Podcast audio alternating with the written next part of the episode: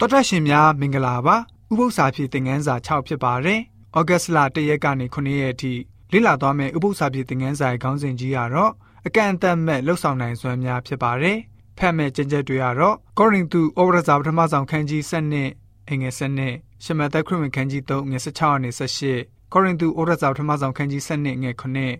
ကောရိန္သုဩဝရစာပထမဆောင်ခန်းကြီး1ငယ်4ကနေ9ရှမသက်ခရစ်ဝင်ခန်းကြီး25 ငယ်14ကနေ30တို့ဖြစ်ပါတယ်။အဓိကကျမ်းချက်ကိုတော့ကောရိန္သုဩဝါဒစာပထမဆောင်ခန်းကြီး7ငယ်7မှာတွေ့နိုင်ပါတယ်။ဤအခွင့်ရှိသမျှတို့ကိုတပါးရီသောဝိညာဉ်တော်သည်ပြုပြင်၍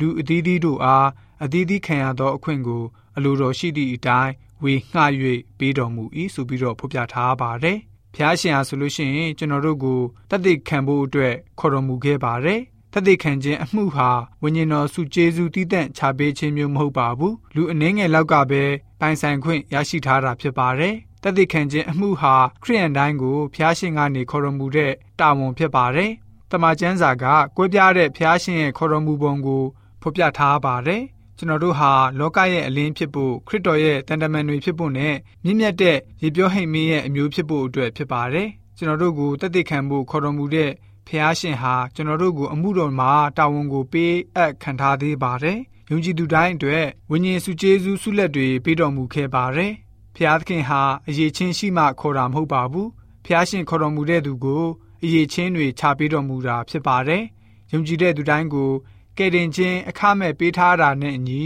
ဖះရှင်ဟာသူ့ရဲ့ဆုလက်တွေကိုလည်းပဲအခမဲ့ပေးပါတယ်။ဖျားရှင်ကိုကျွန်တော်တို့စက္ကပ်ပြီးတော့တည်တည်ချာချာအမှုတော်မှာစိတ်ကိုနှိမ့်မြုပ်ထားမယ်ဆိုရင်ကျွန်တော်တို့ရဲ့လှုပ်ဆောင်နိုင်စွမ်းကတော့အဆုံးရှိတော့မှာမဟုတ်ပါဘူးဝိညာဉ်တော်စာပေဖြစ်တဲ့ E.G. White The Ministries of Healing စာမျက်နှာ159မှာဆိုလို့ရှိရင်ဘယ်လိုမျိုးဖော်ပြထားလဲဆိုတော့လူတဦးဟာမိမိကိုယ်ကိုအထင်ကြီးခြင်းတွေအားလုံးကိုဘေးဖယ်ထားပြီးတော့တန်ရှင်းသောဝိညာဉ်တော်ကိုအခွင့်ပေးပြီးတော့ဖိတ်ခေါ်ခဲ့မယ်ဆိုရင်